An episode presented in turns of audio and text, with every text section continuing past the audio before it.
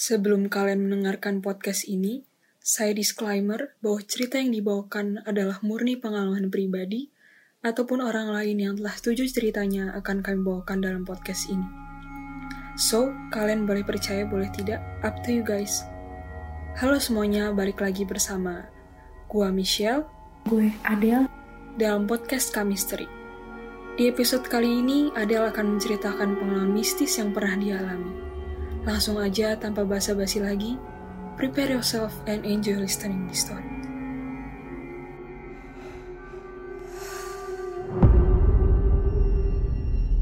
Di podcast kali ini adalah cerita dari gue pribadi.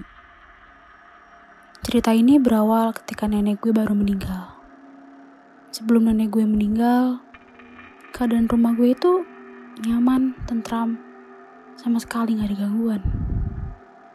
Tapi, sehari setelah nenek gue udah dimakamin, banyak banget gangguan di rumah itu. Dari mulai ibu gue yang digangguin pas masak, lampu kamar mandi gue dimati nyala mati nyalain, dan masih banyak lagi.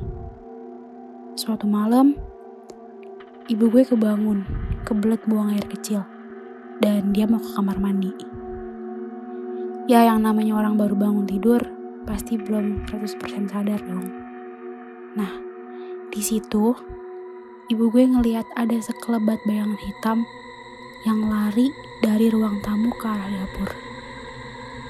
Tapi anehnya, bayangan itu kecil, pendek, terus lari cepet banget.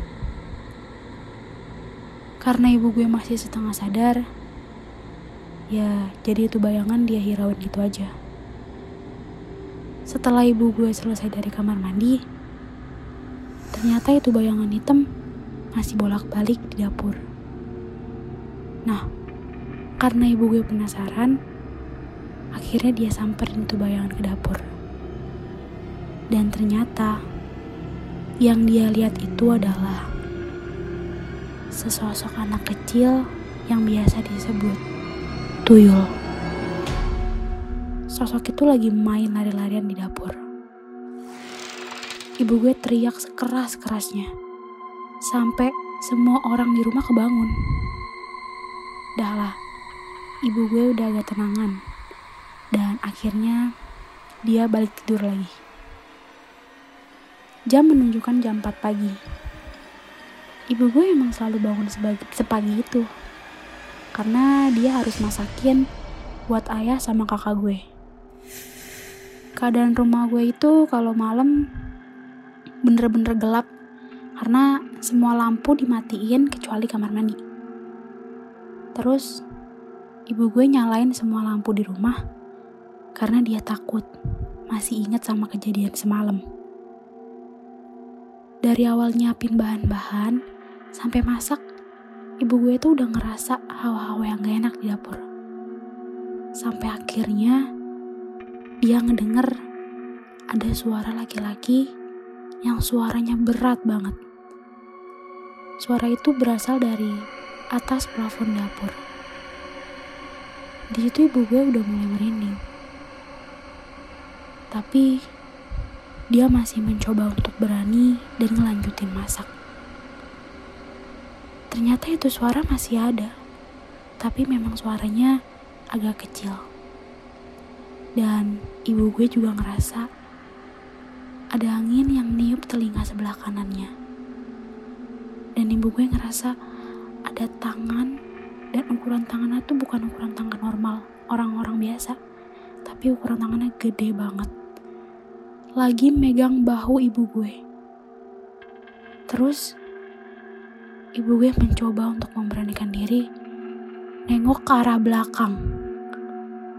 Dan ya, yang dia lihat adalah sosok genderuwo yang hitam dan gede banget.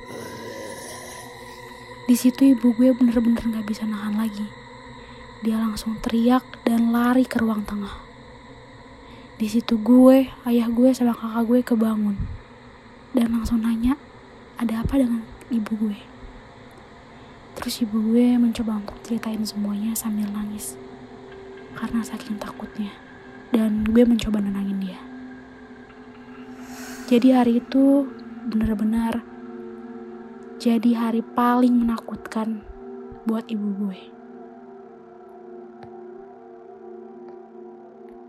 Sekian dari cerita kami misteri pada episode kali ini.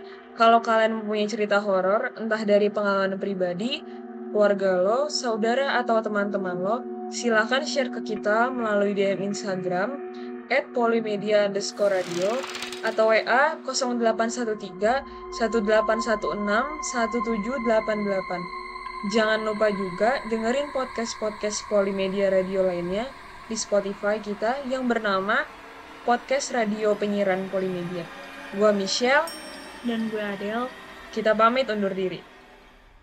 Prepare yourself for the next story.